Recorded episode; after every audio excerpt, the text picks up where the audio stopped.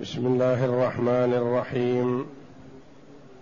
الحمد لله رب العالمين.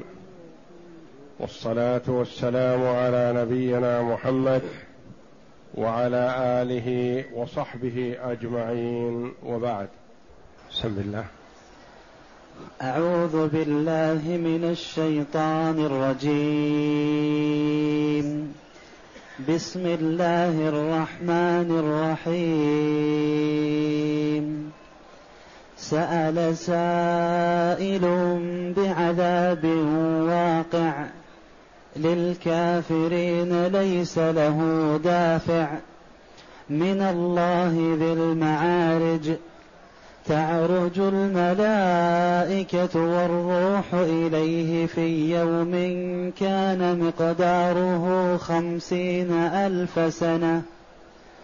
فاصبر صبرا فاصبر. صبرا جميلا إنهم يرونه بعيدا ونراه قريبا.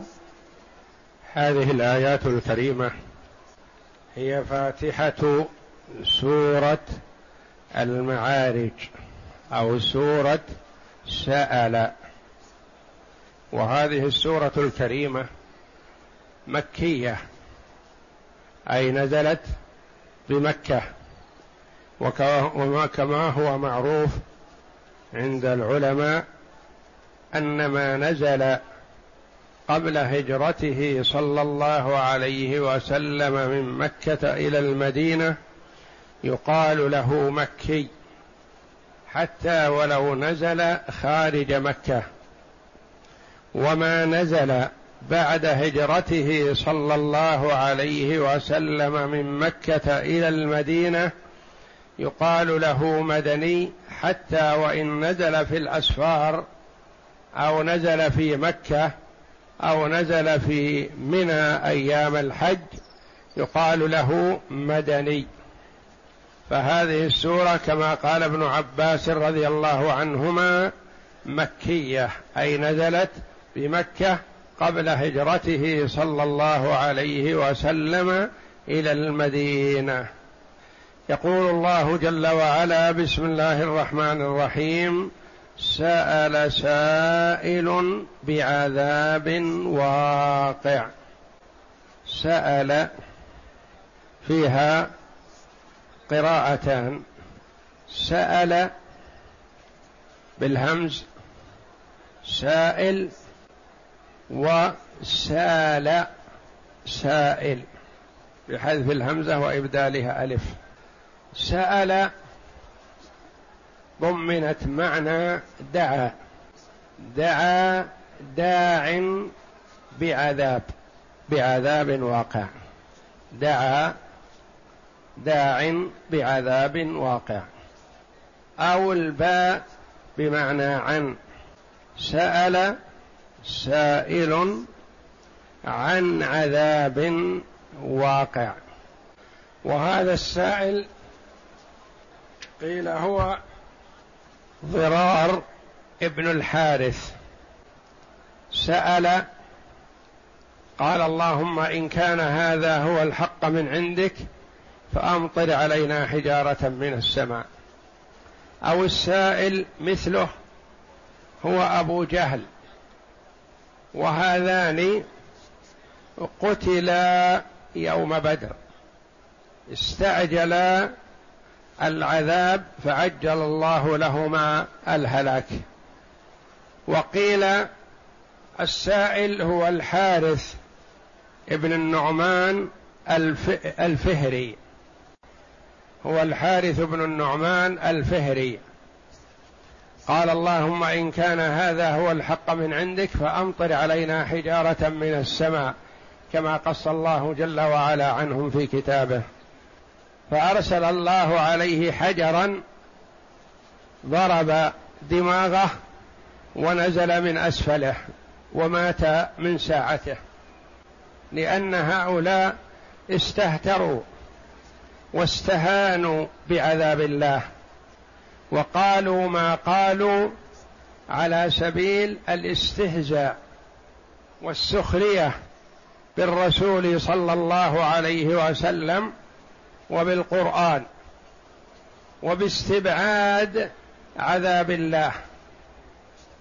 فعجل الله جل وعلا لهم ما استبعدوه فهم سألوا العذاب فعجله الله جل وعلا لهم. سأل سائل يعني دعا داع بعذاب واقع. دعوا سألوا العذاب.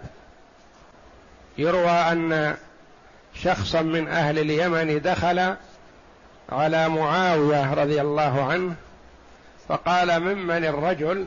قال من اليمن. قال ما أجهل قومك حينما قالوا اللهم باعد بين أسفارنا. قال ما أجهل من قومي إلا قومك. حينما قالوا اللهم إن كان هذا هو الحق من عندك فأمطر علينا حجارة من السماء أو ائتنا بعذاب أليم. ما قالوا اللهم إن كان هذا هو الحق من عندك فاهدنا إليه أو فوفقنا للأخذ به أو فبصرنا به أو نحو ذلك. قالوا أمطر علينا حجارة من السماء فاجل الله عليهم ذلك. فقومك بكفرهم أجهل من قومي بكفرهم لكلهم كفار. والكفر ظلمات بعضها أحلك من بعض. فهؤلاء سألوا عن العذاب وطلبوه دعوا به. ثم من السأل بمعنى دعا دعا داع بعذاب واقع أو سأل سائل عن عذاب واقع. قال الله جل وعلا للكافرين. واقع بالكافرين. متى؟ قيل في الدنيا وهو ما عذبهم الله جل وعلا به يوم بدر. فضرار بن الحارث قتل صبرا يعني حبس وضرب بعذاب واقع للكافرين يعني واقع عليهم لا محالة. هذا العذاب سيقع بهم. وإن استبطؤوه فالله جل وعلا يمهل ولا يهمل. وفي قراءة سال سائل سايل سال سائل. وسال سيل سال سيل. يعني داهمهم العذاب وجاءهم كمجيء السيل في منحدره. يعني أسرع إليهم العذاب. وقيل السائل هو النبي صلى الله عليه وسلم. دعا بعذاب للكافرين. لأنه عليه الصلاة والسلام دعاهم ورغبهم وكرر ذلك وأكثر عليهم فسأل الله جل وعلا أن يعاجلهم بالعذاب لردهم دعوة محمد صلى الله عليه وسلم. وقيل السائل هو نوح عليه الصلاة والسلام لأنه سأل العذاب على قومه لما مكث فيهم ألف سنة إلا خمسين عاما يدعوهم إلى الله ما آمن به وما اتبعه إلا أناس قلة الذين حملوا معه على السفينة. ألف سنة إلا خمسين عاما حصيلتها الذين ركبوا معه في السفينة. ومن ضمن الهالكين ابنه كما قص الله جل وعلا علينا خبره. يا بني اركب معنا ولا تكن مع الكافرين. قال سآوي إلى جبل يعصمني من الماء. فهلك ابنه مع من هلك.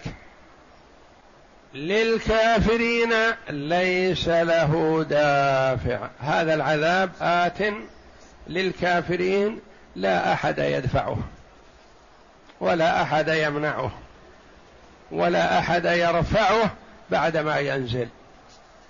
للكافرين ليس له دافع من الله.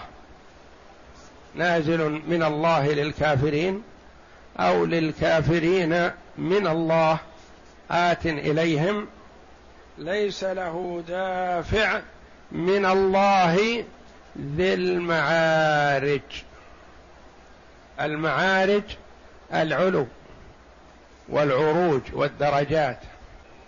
وهذا من الأدلة القرآنية على ثبوت صفة العلو لله تبارك وتعالى لأن المعارج التي يعرج بها وهي العلو.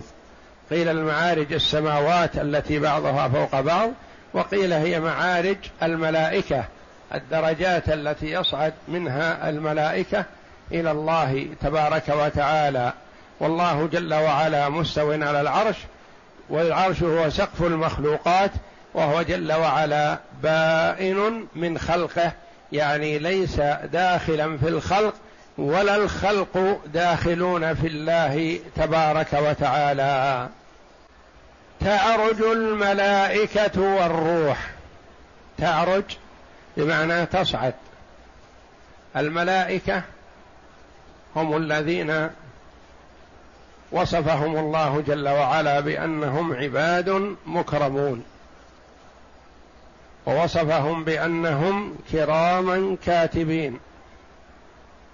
فهم عباد لا يعصون الله ما أمرهم ويفعلون ما يؤمرون وهم يعبدون الله ليل نهار. تعرج الملائكة والروح. قيل المراد بالروح جبريل كما قال الله جل وعلا نزل به الروح الأمين على قلبك لتكون من المنذرين في سورة الشعراء. والتخصيص بعد التعميم يدل على فضل المخصص أي أن ذكر جبريل عليه الصلاة والسلام مرتين مرة مع الملائكة تعرج الملائكة وذكره وحده الروح. وقيل المراد بالروح ملك من الملائكة غير جبريل له فضل عظيم.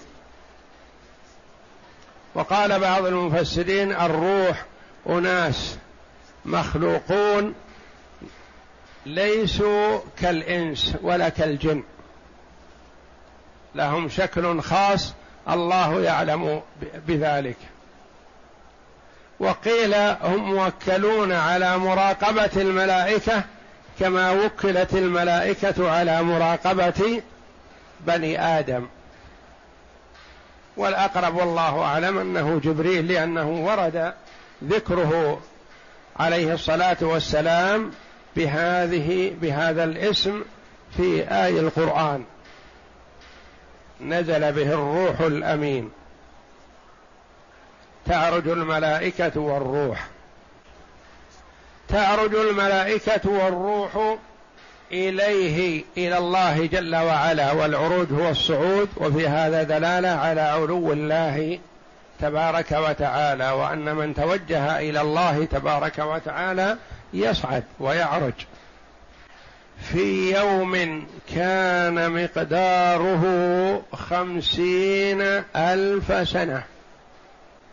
في يوم كان مقداره خمسين ألف سنة. ما المراد بهذا اليوم؟ للمفسرين رحمهم الله في هذا اليوم قولان. القول الأول أن هذا اليوم المراد به في الدنيا. أي صعود الملائكة إلى الله جل وعلا وإلى السماوات العلى لو كان مشيا عاديا كما يمشي الناس لاستغرق الصعود مدة قدرها خمسون ألف سنة. يعني صعود الملائكة بسهولة ويسر بينما هو. لو كان مسيرا عاديا لاستغرق خمسين ألف سنة. يقرب هذا تقول مثلا تقطع الطائرة في ساعة ما مسيره شهرا. يعني تقطع الطائرة في ساعة ما تستغرقه الرواحل في مسير في تستغرق شهرا في الوصول إليه. فالملائكة تصعد وتعرج إلى الله جل وعلا بيوم فقط واليوم معروف من طلوع الفجر إلى غروب الشمس. ما هو لو كان سيرا عاديا لاستغرق خمسين ألف سنة. تعرج الملائكة والروح إليه في يوم كان مقداره يعني مقدار المسير فيه سيرا عاديا خمسين ألف سنة. هذا قول. القول الآخر أن قوله تعالى للكافرين ليس له دافع من الله ذي المعارج تعرج الملائكة والروح إليه.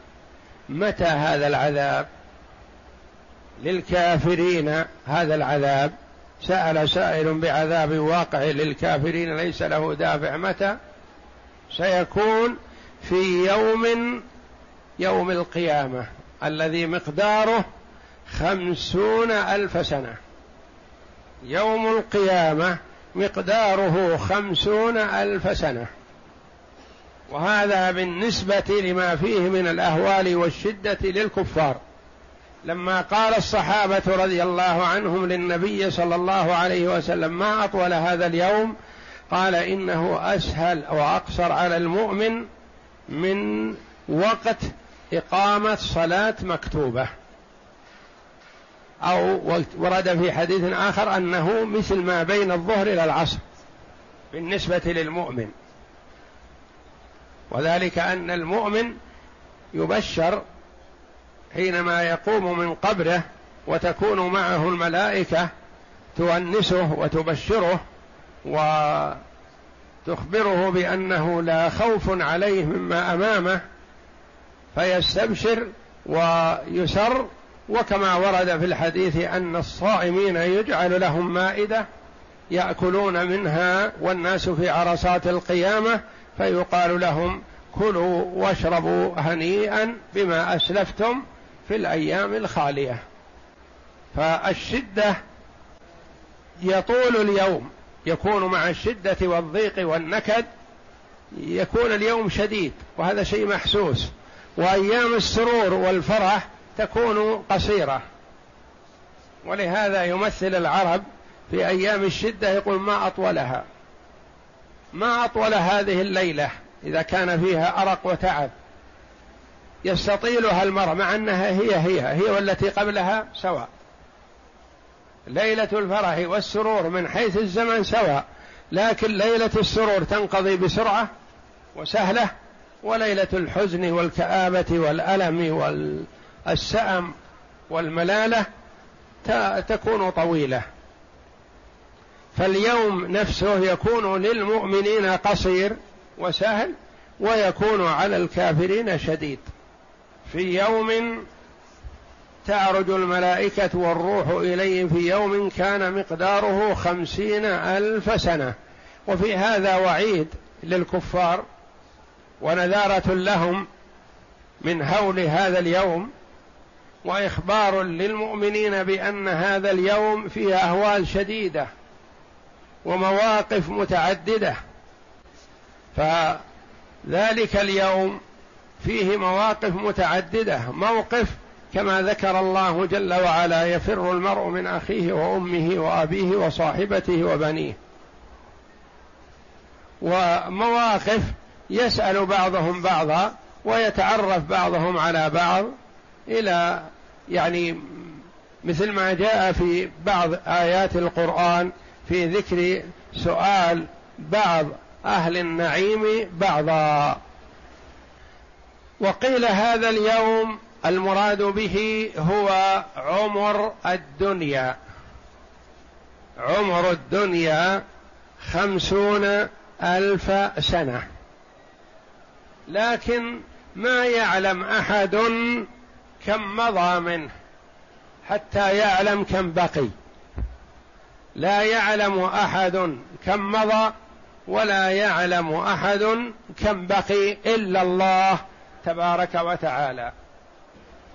يقول تعالى سأل سائل بعذاب واقع. قال النضر بن الحارث عن ابن عباس سأل سائل بعذاب واقع. قال ذلك سؤال الكفار عن عذاب الله وهو واقع بهم. وقيل سأل سائل دعا داع النذر النذر بن الحارث. نعم. دعا داع بعذاب واقع يقع في الآخرة. قال وهو قولهم اللهم إن كان هذا هو الحق من عندك فأمطر علينا حجارة من السماء أو ائتنا بعذاب أليم. وقال ابن زيد هذا ممن أسر في بدر وقتل صبرا النضر بن الحارث. نعم. وقال ابن زيد سأل سائل بعذاب واقع أي واد في جهنم يسيل يوم القيامة؟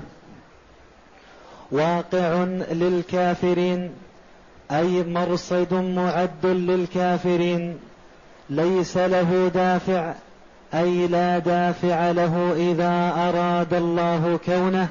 ولهذا قال من الله ذي المعارج قال ذي المعارج ذي الدرجات وقال علي بن أبي طلحة عن ابن عباس ذي المعارج يعني العلو والفواضل. وقال مجاهد ذي المعارج معارج السماء تعرج الملائكة والروح إليه. تعرج أي تصعد. قيل وما الروح؟ قال أبو صالح هم خلق من خلق الله يشبهون الناس وليسوا ناسا. قلت ويحتمل أن يكون المراد به جبريل عليه السلام ويكون من باب عطف الخاص على العام ويحتمل أن يكون اسم جنس لأرواح بني آدم فإنها إذا قبضت يصعد بها يصعد بها إلى السماء كما دل عليه حديث البراء. يعني أن روح المؤمن تصعد إلى السماء فيستفتح لها أبواب السماء فتفتح لها حتى تصل إلى الله تبارك وتعالى. وتعرض على ربها. وروح الكافر يستفتح لها فلا يفتح لها. وترمى في سجين والعياذ بالله. الروح قيل المراد أرواح مؤمني بني آدم. في يوم كان مقداره خمسين ألف سنة فيه أربعة أقوال. أحدها أن المراد بذلك مسافة ما بين العرش العظيم إلى أسفل السافلين. وهو يعني المسافة بين أسفل نقطة في الأرض وبين العرش مسافة خمسون مسافتها خمسون ألف سنة. نعم. وهو قرار الأرض السابعة. وذلك مسيرة خمسين ألف سنة. هذا ارتفاع العرش عن المركز الذي في وسط الأرض السابعة. وكذلك اتساع العرش من قطر إلى قطر مسيرة خمسين ألف سنة. وأنه من ياقوتة حمراء كما ذكره ابن أبي شيبة في كتابه صفة العرش. في يوم كان مقداره خمسين ألف سنة قال منتهى أمره من أسفل الأراضين إلى منتهى أمره من فوق السماوات خمسين ألف سنة. وورد في سورة السجدة ألف سنة في يوم ألف سنة مما تعدون. فالجمع بينهما والله أعلم. أن يقال إن المسافة المرادة تختلف. من أسفل الأرض إلى أعلى مكان إلى العرش خمسون ألف سنة. ومن السماء من الأرض نقطة الأرض إلى ما فوقها ألف سنة. وقيل المراد خمسين ألف سنة وألف سنة باختلاف السير. لأن فيه يقال مثلا مقداره كذا بسير البريد ومقداره كذا بالسير العادي. من المعلوم أن سير البريد يسرع. فمثلا المسافة التي تقطعها الرواحل العادية بشهر البريد يقطعها مثلا بسبعة أيام أو ثمانية أيام لأن البريد يسرع عادة. فورودها بألف سنة وبخمسين ألف سنة باختلاف السير أو باختلاف النقطة التي منها الانطلاق. القول الثاني أن المراد بذلك مدة بقاء الدنيا منذ خلق الله هذا العالم إلى قيام الساعة. والقول الثالث أنه اليوم الفاصل بين الدنيا والآخرة. القول الرابع يعني أيام البرزخ التي هي بعد انقضاء الدنيا وقبل قيام الساعة وقبل بعث الناس من قبورهم. مقداره كذا. هذا قول. يعني اليوم الفاصل بين الدنيا وبين قيام الساعة. خروج الناس من قبورهم يقدر بخمسين ألف سنة. نعم. القول الرابع أن المراد بذلك يوم القيامة. فاصبر صبرا جميلا. أيصبر يا محمد على تكذيب قومك؟ فاصبر صبرا جميلا. اصبر على ما يقولون وتحمل ولا تستعجل. والصبر الجميل هو الذي لا جزع فيه ولا شكوى فيه إلى مخلوق وإنما الشكوى إلى الله جل وعلا. فاصبر صبرا جميلا لأن الصبر قد يكون جميل وقد يكون فيه شيء يشوبه في شيء من الضجر أو عدم التحمل. وقيل هذه الآية منسوخة بآية السيف كما يقول كثير من المفسرين آية السيف والمراد بآية السيف الآيات القرآنية التي ورد فيها الأمر بقتال الكفار. فاصبر صبرا جميلا أي اصبر يا محمد على تكذيب قومك لك واستعجالهم العذاب. استبعادا لوقوعه كقوله تعالى يستعجل بها الذين لا يؤمنون بها والذين آمنوا مشفقون منها ويعلمون أنها الحق. يعني المؤمن خايف من يوم القيامة ووجل ويستعد له والكافر والفاجر لأنه ينكره مستبطئ له يقول هاتوه. عجل لنا قطنا عجل لنا عقوبتنا لأنهم منكرون له مستبعدون له. ولهذا قال جل وعلا إنهم يرونه بعيدا يعني محال. يرونه غير الله أعلم يعني أنه سيقع لكن بعد مدة طويلة لا. لأن المرأة كثيرا ما يقول هذا شيء بعيد. يعني مثل ما يقول هذا شيء مستحيل هذا شيء لا يقع هذا بعيد.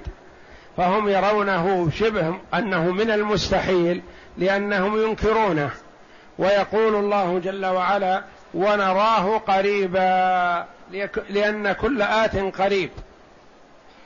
وأنه واقع لا محالة. إنهم يرونه يرون يوم القيامة بعيدا يعني مستحيلا وغير واقع.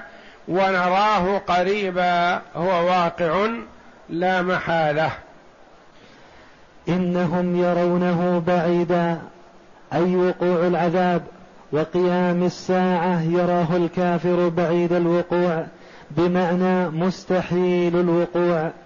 ونراه قريبا أي المؤمنون يعتقدون كونه قريب.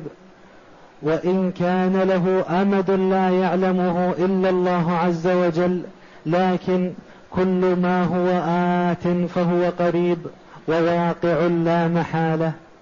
والله أعلم وصلى الله وسلم وبارك على عبده ورسول نبينا محمد وعلى آله وصحبه أجمعين.